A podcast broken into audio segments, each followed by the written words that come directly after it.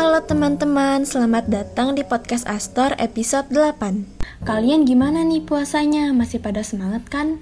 Masih semangat dong Kita semua pastinya tahu Tepat hari ini tanggal 21 April diperingati sebagai Hari Kartini oleh bangsa Indonesia Kenapa Hari Kartini itu diperingati setiap tanggal 21 April? Jangan-jangan karena tanggal 21 April itu tanggal lahir R.A. Kartini ya? Bener banget. Nah, siapa sih R.A. Kartini itu? R.A. Kartini adalah pahlawan nasional emansipasi wanita.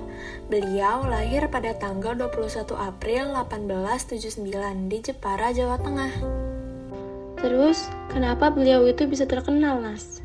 RR Kartini dikenal sebagai wanita yang mempelopori kesetaraan derajat antara wanita dan pria di Indonesia.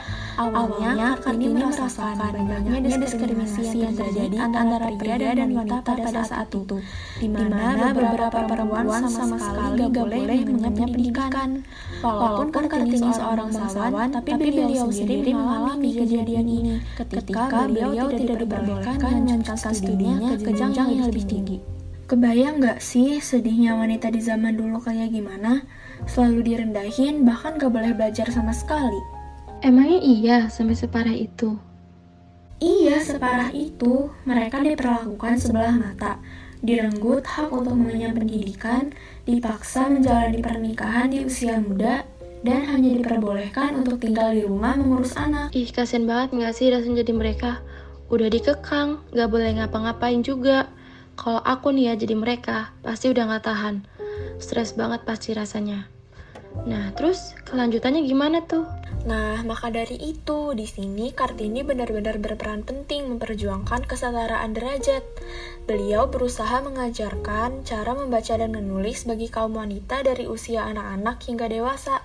Walaupun banyak loh yang gak setuju sama beliau, tapi Kartini gak pernah patah semangat. Terus denger-denger sih Kartini punya buku, judulnya Habis Gelap Terbitlah Terang. Tapi aku gak tahu banyak sih tentang buku itu. Oh, kalau itu sih aku juga tahu. Wah, gimana-gimana? Jelasin dong. Jadi gini, Kartini itu kan sering surat menyurat sama temen-temennya yang di luar negeri.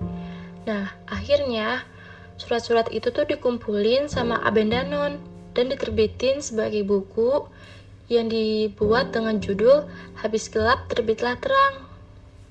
Nah, di buku ini juga Kartini itu ngebanyak kebahas soal perjuangan kaum wanita untuk memperoleh kebebasan, persamaan hukum, dan pendidikan yang layak. Dan ternyata nih ya, pemikiran Kartini dalam buku Habis Gelap Terbitlah Terang ini terinspirasi oleh salah satu ayat yang ada di Al-Quran atau tepatnya dari pengalaman religius Kartini. Nah, segitu aja ya teman-teman podcast Astor kali ini dalam rangka memperingati Hari Kartini. Untuk pesan dari kita berdua, cuma pengen bilang, kalian semua itu harus bersyukur dengan pendidikan yang bisa kalian dapetin sekarang. Karena nggak mudah loh buat memperjuangkan pendidikan, khususnya untuk kaum wanita.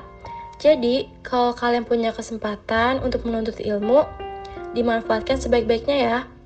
Jangan sampai gara-gara kita males belajar, perjuangan RA Kartini malah jadi sia-sia. Sekian dari podcast kita, sampai bertemu di episode berikutnya. Terima kasih.